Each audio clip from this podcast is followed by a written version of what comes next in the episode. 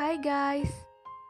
What I feel while studying at home is fun because I can study while listening to music, while watching TV, or while doing my hobby.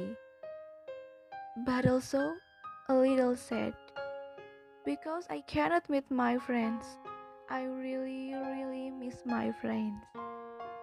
But I believe this pandemic will end soon if we fight together. As in the Al Quran, verily Allah will not change people until they change themselves. Quran Surat Ar-Ra'd. Therefore, stay at home, stay healthy, and keep spirit.